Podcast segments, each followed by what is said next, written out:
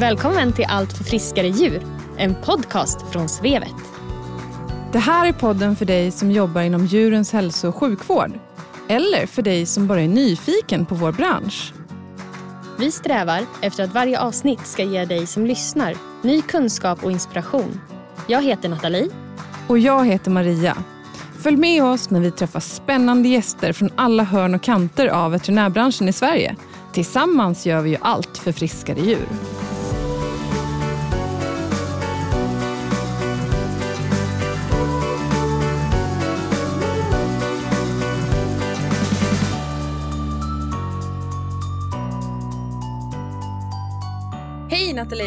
Nej men hej Maria! Hej, hur är läget med dig idag? Det är bara fint med mig idag. Hur är det med du idag? Det är fint med mig också. Härligt. Eh, idag så har vi en gäst med oss som man kan säga har ett ganska annorlunda arbete. Eh, vi har nämligen med oss Karin Wallin Philippå som är veterinär och forskar på SVA om renar. Ja, det stämmer bra. Idag ska vi prata med Karin om hennes projekt Renöga som handlar om ögon och muninfektioner hos svenska renar. Och sen ska vi prata om renars hälsa i största allmänhet och vad man kan göra som allmänpraktiserande veterinär när man arbetar i rentäta områden. Så vi säger välkommen till podden, Karin! Tackar, det känns bra att vara här. Kan inte du eh, berätta lite om dig själv och din bakgrund? Jo, ja det kan jag göra. Jag eh, är Eh, härifrån utifrån Knivsta, uppvuxen på en mjölkgård. Och det var väl där mitt eh, djurintresse väcktes kan man säga. Och sen har jag pluggat till veterinär då i Köpenhamn. Jag tog ut min examen 2011. Och främst jobbat som distriktsveterinär i Norduppland. Det har varit lite blandad små och stordjurspraktik där. Och sen 2019 har jag liksom gått in mer och mer på idisslare och jobbat som nöthälsoveterinär på Gård djurhälsan och eh, adjunkt på idisslarkliniken SLU och undervisat veterinärstudenter där kliniksnurran. Kliniksnurra. Och sen drygt ett år tillbaka så är jag nu då doktorand på SVA. Eh, och plus, eh, jag har, ja, man är tillknuten SLU då, kliniska vetenskaper, men jag är placerad på SVA. Så, lite kort. Mm. Och där så handlar ditt doktorandprojekt eller din forskning om eh, renar. Mm. Berätta, hur, hur väcktes det intresset? Har du anknytning till renar eller var kommer det ifrån? Ja, alltså det blev ju lite bananskal som man hör om ofta då att eh, det passade liksom in i tiden och eh, väldigt intressant projekt och bra handledare så att det kändes som att man inte kunde tacka nej när chansen gavs. Och sen är det ju ett jättekul och liksom intressant djurslag. Man blir verkligen trollbunden av de här renarna. Mm, roligt. Mm. Ja, det var på den vägen liksom. Men då hade du ingen liksom anknytning till renar och renskötsel sedan tidigare liksom, utan du kom in på det nu med forskningen? Precis, precis. Mm. Och forskningsprojektet fanns redan när du kom in i det. Ja. Det var inte så att du startade upp det. Nej precis, utan, utan det var ju en, ja, en tjänst som utlystes liksom. Och, det, och vi, är, vi jobbar ju i en idisslargrupp på SVA så man har ju även kontakt med andra idisslare där i, liksom, i, den, i det jobbet så att säga. Så det är jättekul, man har en liten grupp där som, som, vi, som vi jobbar tillsammans med. Vi kommer ju komma in lite mer på just om ditt forskningsprojekt senare. Men för våra allmänpraktiserande veterinärer där ute, typ distriktsveterinärer eller de som arbetar i områden där det finns rennäring, eh, vet du ungefär hur mycket de skulle kunna förvänta sig att behöva arbeta med renar? Eller hur ofta stöter man på ren som veterinär egentligen? För oss som bor där det inte finns ren ute på gatorna. Ja, jag tänker att ute på vägarna kan man nog stöta på dem lite grann. Men det får man försöka undvika. Mm. Men, eh, men annars är det nog väldigt eh, lokalt skulle jag säga. Eh, alltså att man, om man har en etablerad kontakt med eh, veterinär eller inte. Och vissa veterinärer har ju arbetat upp en jättebra liksom, eh, kontakt med renägare. Så det kan nog vara väldigt olika beroende på var man är i landet där det finns ren. Så att, eh, och har man ett intresse så tror jag absolut att man kan eh, arbeta upp kontakt. Så det, det är nog väldigt olika skulle jag säga. Mm. Hur mycket ingår det ren kunskap på veterinärutbildningen? Ja, väldigt lite i dagsläget, eh, men eh, just nu så håller jag på att spela in en, en föreläsning som ska ligga som frivillig då på kliniksnurran, liksom, när man börjar de här klinikförberedande kurserna. Och för, förhoppningsvis kommer det bli mer inspel i framtiden nu när det finns, när vi har liksom etablerat en ren forskargrupp på, på veterinärsidan. Så att det, det hoppas vi kunna liksom få ut lite mer kunskap om ren på utbildningen. Just det. Och hur vanligt är det att renägarna söker veterinärvård då? Man ser ju renarna där ute, men hur ofta söker de vård för sina renar? Ja, alltså det är ju inte, om man jämför med andra djurslag så skulle jag säga att det inte är så vanligt. Men däremot så, um, ja, det är ett väldigt friskt djur får man ju tänka på först och främst. Så att de, de behöver ju för det första inte lika ofta veterinärkontakt. Och sen när de har till exempel allvarligt, blivit allvarligt skadade, trau trauma eller rovdjur så är ofta behandlingen avlivning, att man tar hand om det själv som renägare. Ehm, men det finns ju också en rad sjukdomar som, eh, som de kan få och speciellt om man har besvärliga vintervädersförhållanden som, som gör att man behöver nödutfodra dem och de är i dålig kondition och sådär. Mm. Men ja, precis, för de är ju frilevande, eller hur? De hålls ju liksom inte och då, men de lever ju ändå i ganska stora grupper, alltså vad, ur den aspekten liksom, jag tänker mig att mm. de har ju inte samma kanske parasittryck och sådana saker heller då i och med att de är frilevande, eller hur, hur, hur står det till med det? Ja, alltså precis, de, de, man kan säga att om man tänker liksom när kontaktar en renägare, veterinär, då är det ju egentligen högsäsongen är egentligen december till mars kan man säga, för det är där det börjar bli Alltså vinterbetet är ju liksom en flaskhals i hela rennäringen så att det är där man kan få problem ofta eh, kan man säga. Mm. Eh, om det blir så här svåra vintrar då. Um, men, men parasittryck, de har ju mycket parasiter olika, men de behöver inte ge några problem. Men däremot så avmaskar de till exempel mot korm och, och det gör de ju på höstvintern kan man säga. Men jag tänker liksom skillnaden mellan att hålla, alltså, hålla frilevande djur och att hålla djur liksom, i stora grupper på liten yta. Liksom. Det måste ju bli skillnad liksom, i, hur de, i hur sjukdomar sprider sig och sådana där saker. Ja, precis.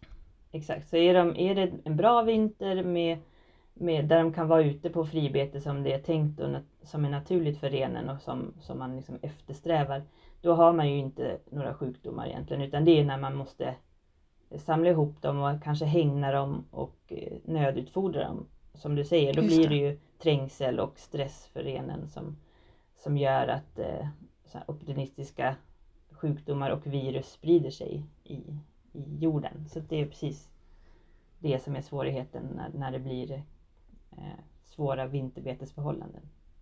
Just det. Och bortsett från det du forskar på, det området som vi kommer komma in på, som vi har sagt flera gånger nu. Eh, men finns det några andra rent specifika sjukdomar som kan vara bra att känna till som veterinär? Ja, precis. Det är ju, förutom de här eh, sjukdomarna som eh, smittsam ögoninflammation och eh, ehm, virus och bakterier i munhålan så, så finns det ju en, en rad andra sjukdomar som kan ske, alltså de, dels foderrelaterade och, och, det är ju allt från vomacidos som kallas för skvalpmage till diarréer och eh, även lunginflammation kan man se. Och sen finns det ju eh, en sjukdom som heter blötbuk på ren som är väldigt eh, eh, Ja, det är, vad jag vet så är det inget annat djurslag som, som har den här symptombilden. De, de blir liksom blöta i armhålor och mage undersidan. Liksom. Blir det som hotspots nästan som på hund eller vad? Är... Ja det kan det nog bli liksom, e- eftersom att det blir lite gojsigt där. Eh, men, men att de är mm. blöta framförallt. Och man tror okay. att det kan orsakas av mögelgifter ifrån Aha. foder. Men det är, ing, man, det är inte fastställt så det är lite så här mystiskt. Och sen mm. har du de, de här parasiterna, framförallt kormen då, hudkorm och svalgkorm som många avmaskar mot. Mm. Mm. Men eh, berätta lite om ditt forskningsprojekt. Då. Du forskar om infektionssjukdomar i ögon och munhåla. Ja. Um, är det för att det är de sjukdomarna specifikt, eller framförallt då, som drabbar ren, eller är det för att de är de viktigaste på något sätt? Eller berätta om ditt projekt. Liksom. Ja, men precis. Alltså, man kan säga bakgrunden är lite grann att alltså från ja, tio år tillbaka i tiden så har man sett att det är framförallt munhålan och ögon som är problem på ren. Att det är där man ser de här sjukdomarna då, som, som är besvärliga.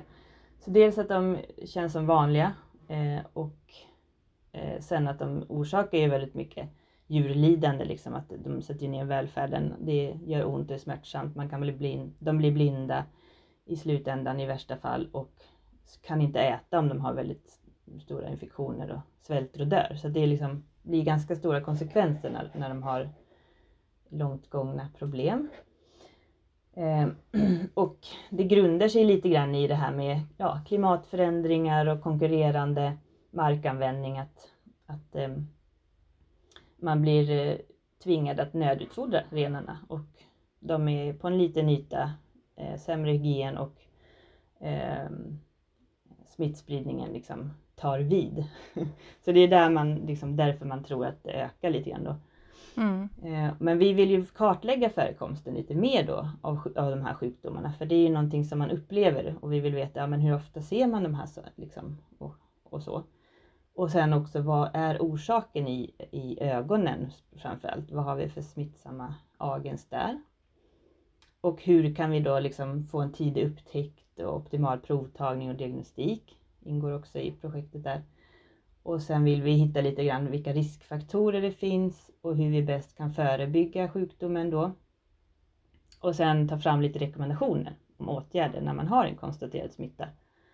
Och eh, på lång sikt vill vi även titta lite grann på konsekvenser för renägarna och hur de påverkas av, av att ha sådana här problem. Eh, Sen vet jag inte, ska jag ta hur, vi har en del delstudier då, vill ni höra om dem också? Vad vi ja, liksom- gärna! Ja, mm. kötta på! Ja. vi har en som vi kallar för utbrottsstudien då som, som eh, eh, vi vill undersöka mer i ögonen framförallt, vad vi har för olika eh, agens där då. Och eh, då finns det en remiss som går att ladda ner på SVAs hemsida som heter Renögaremissen. Som, där vi står för kostnaden för analysen av eh, konjunktivalsvabbar som man kan ta då när man har, upplever att, alltså renägarna upplever att de har en ökad smitta av eh, ögoninflammation i sin jord. Och där står instruktioner på hur man ska ta och sådär väldigt noga. Och den går in på rutindiagnostiken på, hos oss och där kollar vi efter eh, ren, renens herpesvirus och klamydia som är två olika som vi har sett eh, bidrar till de här eh, utbrotten. Det kollas vi, med PCR och sen så har vi även allmän baktos på de här svabbarna. Så då får man provsvar och rådgivning om vad man kan göra. Och sen har vi även, sätter vi även upp diagnostik för orfviruset som är en av de här eh, som drabbar orf, eh, säga munhålan på ren och Fusobacterium necroforum som ger den här orala nekrobacillosen som också är ett stort problem på ren då. Så det är liksom inom projektet kommer vi sätta upp för munhålan, de här diagnostiken. Så har man renar som har problem med munhålan så får man jättegärna kontakta oss och, och så kan vi hjälpa till med att reda ut vad det kan vara och vad man kan göra. Mm. Fantastiskt. De här um, proverna då, mm. eller provtagningen, uh, hur går det till liksom rent praktiskt när en renägare då upptäcker de här problemen och ringer sin veterinär och gissar jag som får hjälpa till med det. Uh, men provtar man då liksom alla, är det är svårt att provta alla individer förstås, men eller de som har mest utpräglade symptom eller hur funkar det? Ja precis, alltså vi, vi har ju vi har sagt nu som utgångspunkt 10 liksom svabbar per utbrott. Men det där kan man ju ta liksom från fall till fall. Men vi har också en önskemål om att ta från lite olika stadier. Alltså att man inte bara tar de som är värst drabbade utan man kanske tar på de som är precis nyinfekterade eh, och kanske ja, på lite olika symptom. Mest för att det är ju någonting som vi är intresserade av att se vad som, liksom, vilka olika etiologier som finns eller vad man ska säga. Kommer, kommer herpesviruset före bakterierna? Och vilka mm. bakterier kommer efter klamydia? Eller kommer det olika bakterier efter herpes och klamydia? Eller har de något samband? Så det är ju det får man gärna ringa och eh, rådfråga om också om man är osäker. Men annars är ju önskemålet att man tar på lite olika symptombild eh, eller om det finns i, i mm. jorden där. Eller flocken. Finns det någon poäng att provta liksom friska individer inom samma grupp? Ja, precis. Det har vi också eh, stå på remissen att, eh, man, eh, att vi önskar på friska djur också och eh, i samma grupp är ju bra. Mm. Men även att man kan ta på en annan, alltså där man kan ta. För där, det är helt också beroende på möjligheten att fixera och sen får man alltid tänka på riskerna med det också, att hantering och fixering av friska djur, att det får man ju ta också på plats, vad, vad som är möjligt. Men till exempel om man, en viktig åtgärd är ju att isolera eh, djur med symptom i sjukhäng och då kanske man tar samtidigt bort de friska eller hur man, ja, vilka man nu tar i och hanterar och då kan man ju passa på att ta prov på de friska också. Då. Har, man, har ni någon koll på hur, om det finns någon smittorisk för människor när man hanterar det här? Ja, alltså klamydia, det skulle ju potentiellt kunna smitt, smitt, vara smittsamt för människa också. Så att vi har ju alltid rekommenderat att man ska vara väldigt försiktig när man hanterar de här sjuka ögonen. Sen så har vi ju en rad bakterier där i bland som vi har hittat, till exempel pseudomonas och klebsiella och så här. Så att man ska ju tänka på sin egen säkerhet när man hanterar de här sjuka renögonen. Mm. Just det. Mm. Mm.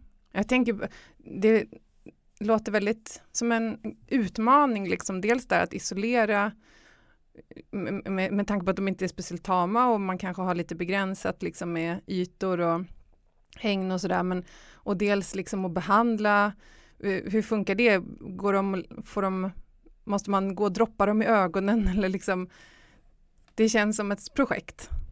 Ja, precis. Det är ju det som är svårigheten och som det här projektet vi ska försöka titta på också vad som är praktiskt möjligt. Man väger ju in liksom hela renen och inte bara ögat. För mm. Ögat i sig skulle ju kunna få en helt annan behandling men det går oftast inte för att liksom, optimal behandling för ögat går inte för att renen liksom, måste man tänka på hela djuret. Mm. Eh, så där får man ju kompromissa och eh, en, en behandling är ju faktiskt slakt till exempel. Eh, men det är ändå första steget är ändå väldigt viktigt att man isolerar eller drar ut djur med symptom till ett sjukhäng så att man liksom mm. skyddar de som fortfarande är friska.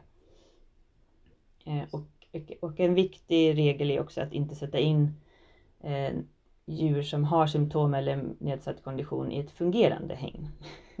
Mm. så att man eh, tänker på sådana saker. Och det är ju framförallt kanske när man har hägnat dem som man ser sådana här problem. Kan jag mm. Brukar renägarna själva vara duktiga på att upptäcka de här äh, symptomen och tillkalla veterinär? Ja, alltså det, det kan nog skilja sig lite grann vad man har för eh, traditioner och vad man tycker är ett problem, skulle jag nog säga. Men de flesta är väldigt måna om sina djur och att de är friska så skulle de, ser de att det blir problem och att de eh, att det liksom går överstyr så att säga. Det, här, det kan ju också gå över av sig själv, liksom om man har lite blöta kinder, att de har tårflöde och sen går det över. Så då har de ju inte liksom någon smärtsam, lidelsefull eh, stadie så att säga. Men om de skulle, att det går vidare och det blir ulkus och ögat liksom går sönder, då kommer alla djurägare som ser det att eh, avliva de djuren. Det är jag säker på. Just det. Mm. Mm. Som, som liksom Spännande ser. Det, det, kan ju vara svårt att upptäcka om de är liksom enstaka individer, så kan det vara. Mm. Mm. Ja, utmaningar som sagt. Ja, precis.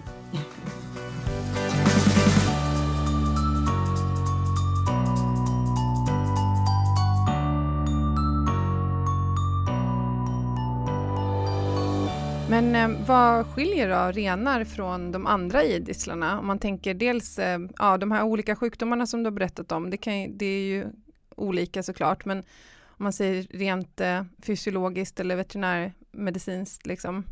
Ja, alltså de är ju de idisslare som, som andra, alltså nöt, får och get, men de är ju väldigt selektiva betare. Alltså de betar selektivt så att de, de kan liksom inte smälta fiber och gräs lika bra.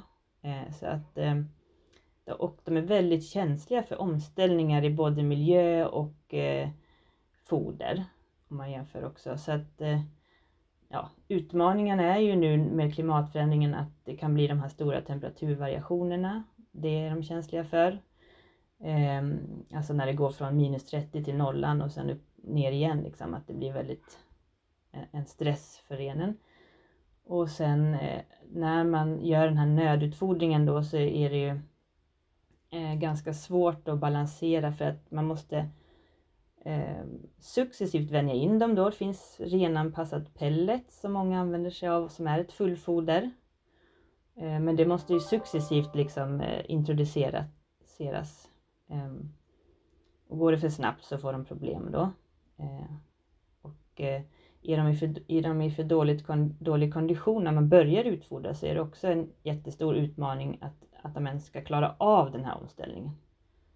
Eh, och mm. för de är anpassade att äta lav, marklav eller hänglav på vintern som är väldigt, det är mycket kolhydrater som är lättsmält för renen. Eh, de är anpassade att äta det liksom. Men det innehåller inte så mycket protein eller makromineraler så att de är ju liksom ett under vintern så går ju de ner i en, liksom, eh, och tar av sina kroppsreserver. Mm. Så då blir det en väldigt stor omställning att liksom börja ge dem pellet som är spannmålsbaserat. Mm. Där har man ju en utmaning och sen klarar de sig inte bara på stråfoder, alltså ensilage är ofta alldeles för grovt. Så att där riskerar man ju att få andra problem med förstoppningar och trots att de har magarna fulla så, så svälter de ihjäl. Det är mm. väldigt svårt kan det vara att mm. få till det. Verkligen, de är mer känsliga än man tror. Man ser dem där ute så tänker man att det där det är riktiga vikingar, de klarar alltihopa. Mm. Men de är lite känsligare än man tror. Precis, för allt, allt som, som avviker från det naturliga eh, för renen blir de väldigt känsliga så fort, mm. så fort man avviker från det som är naturligt. kan man säga. Mm. Just det. det gäller att man kan ren när man ska syssla med renar helt enkelt. Ja, precis. Om Ja. Och om man som lyssnare känner att men det här är ju superintressant, jag vill specialisera mig på ren, det är det jag vill jobba med. Finns det tillräckligt med jobb för att kunna arbeta främst med ren, eller hur ser det ut? Alltså i, dag, i dagsläget finns det ju kanske, skulle man ju kunna säga nej på den frågan, men, men jag tror om man engagerar sig väldigt mycket och liksom är beredd att jobba delvis med ren, då finns det ju absolut mycket jobb. För att eh, är man engagerad och får liksom kontakter och, och, och är intresserad, då, då kommer fler och fler vända sig till, till, mm. till en då. Så det, och det finns ju ett, ett, behov. Och som sagt, det är ju lite säsongsbetonat. Man har ju inga problem liksom under sommaren som regel. Utan det är ju under vinter och vårvinter. Som det Just. mesta brukar vara. Mm. Så. Och Eh, och man, en bra grej med ren är i och med att det är mer svåra att komma nära och kanske inte alltid lätt att, att hantera och liksom fixera och undersöka så, så är ju det här med obduktion, alltså så fort något djur har dött så är det väldigt värdefullt om man kan obducera det djuret. Så är man intresserad av ren så skulle jag, mm, skulle jag nog satsa på att bli duktig och obducera. Och här mm. har vi faktiskt eh, väldigt bra rådgivning att man kan få, man kan få en eh, veterinär på länk som är duktig på ren så att man kan få digital rådgivning. Så det är bara mm. att börja obducera. Kul! Mm. ja. um, om man då är pra ja, renpraktiserande veterinär, eh, vad behöver man? Behöver man någon särskild utrustning eller är det någonting annat att tänka på? Jag tänkte lite på det här med svårigheterna och som du säger fixera dem och undersöka. Är det någon, finns det några knep där som man kan ta till eller särskild utrustning eller någonting sånt? Ja, alltså jag skulle nog ändå säga att man får liksom lita på renägarna, att de är duktiga på att hantera och vet liksom vad som är bäst för renen i olika lägen. Att man liksom mm. Ehm, eh, litar på dem och sen, eh, för de är jätteduktiga på att fixera dem och sådär. Och eh, annars är det ju obduktion, alltså att man ska kunna ta till den, den, det när man är ute så att man har med, tänkt på det liksom att, att det är en jättebra, ett jättebra sätt att liksom få reda på mer, mer om problemen som har uppstått. Eh, och, och som sagt, eh, det, fin, mm, det finns ju en branschorganisation som heter Svenska Samernas Riksförbund, SSR. Och de har ju en veterinär till knuten till sig som man kan, som har rådgivning kan man säga Eh, och sen samarbetar vi även med Gård och djurhälsan och så vi SVA. Så det finns ju ganska många att och liksom ringa och, och, fråga också tänker jag. Så att man, mm. när man väl är på plats så kan man sen efterhand eller före höra av sig till oss, någon utav oss. Ja, precis. Hur är det med utbildning då och kurser? Jag förstår att det är ganska mycket learning by doing eh, och att rådfråga erfarna kollegor, men det kanske finns någon utbildning eller någon särskild litteratur eller så? Mm. Ja men absolut, det finns ju en ganska ny, nyutgiven bok som heter Reindeer and Caribou Health and Disease som Mårten Tryland har, eh, i Norge har eh, liksom redigerat och den kom nog ut 2019. Så den, den är på engelska och liksom beskriver allt möjligt på ren. Jättebra. Och sen så finns det ju en eh, kurs som går på halvfart på SLU som heter Renens biologi och renskötsel. Och den är ju väldigt bra om man vill ha som grundläggande kunskaper om både renen och renskötseln i Sverige. Den är inte specifikt för veterinärer då, utan den är för alla som är intresserade? Ja, mm. precis. Så den, den kan jag rekommendera. Eh, och annars kan man ju hålla utkik också då, alltså som sagt SSR erbjuder ibland eh, lite kurser eller seminarier. De har till exempel haft en eh, ja, vad ska man säga, obduktionskurs för renägare. Så det finns många renägare som är duktiga på att öppna och liksom gå igenom renen och sådär. Um, men med digital um, hjälp kan man säga. Vilka prover mm. som ska tas och sådär. Och det kan ju även bli intressant eller bli tillfälle att ge för veterinärer om, om det finns ett intresse. Så man får jättegärna liksom anmäla och, och säga att man är intresserad för sådana här seminarier och kurser. Mm. Just det. det finns lite mer än vad man tror, helt mm. enkelt. Ja. I alla fall än vad jag trodde innan, som inte hade någon koll alls. Mm. Finns det något speciellt eh, take home message som du vill ge till dina kollegor i fält som skulle kunna komma att stöta på en ren? Finns det något särskilt som de skulle behöva känna till eller tänka på när de ska arbeta med renarna där ute? Kanske ja. framförallt de som liksom inte stöter på, alltså som, som inte ja. jobbar med det i vanliga fall liksom. Ja, alltså man kan väl säga det här med att de, de är ju väldigt känsliga djur liksom. Att allt som förändringar i den alltså miljön eller, eller bara foderbyten är jättestor omställning för en ren. Att man ska försöka ha kvar dem i, i sitt liksom naturliga element så länge det går. Och får man problem så kan en lösning vara liksom att försöka eftersträva och att efterlikna det som är naturligt för renen. Så det är väl liksom en sån här bra tanke man kan ha i huvudet, att man liksom försöker behandla och hantera dem väldigt varsamt. Inte ta dem ur sitt sammanhang för mycket eller liksom på något vis. Mm. det är väl mm. en bra... Eh, och sen obducera. Bli duktig på det. Mm. Ja, Spännande. Jag tycker det, det, är intressant just med tanke på att de är liksom ett man, räknas de ens till domesticerade? Eller domesticerade är de väl, men särskilt tama är de ju inte. Och de lever ju liksom frilevande och sådär. Det, det är ju en helt annan sak egentligen än det man är van vid kanske som, som veterinär. Mm. Med liksom hög, och som du säger också att de är så fortfarande anpassade efter sin naturliga miljö. För det är ju ändå många av de domesticerade djurslagen är ju väldigt ja, anpassade efter att hållas som vi vill hålla dem. Liksom.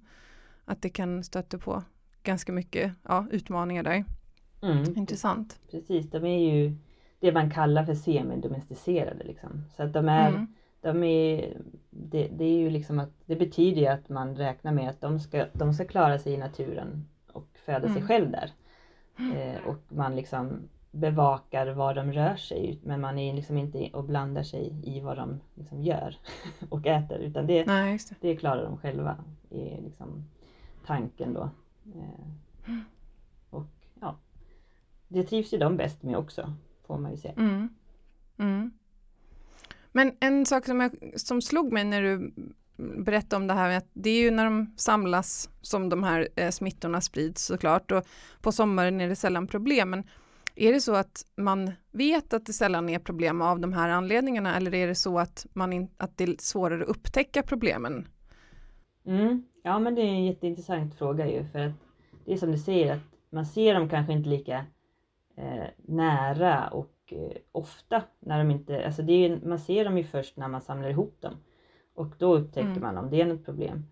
Så det där är ju en eh, aspekt att ta in såklart. Mm, och, ehm, men det man kan ändå säga med liksom den erfarenhet som finns är ju att när man hängnar dem framförallt och när man nödutfodrar dem då, då blir det liksom en annan, en helt annan eh, miljö också för renen. Och det Mm. skapar liksom, kan skapa problem, behöver inte göra det alls men det kan hända. Så där får man vara mycket mer vaksam. Eh, på den Just sätt. Hur ofta brukar man samla ihop dem?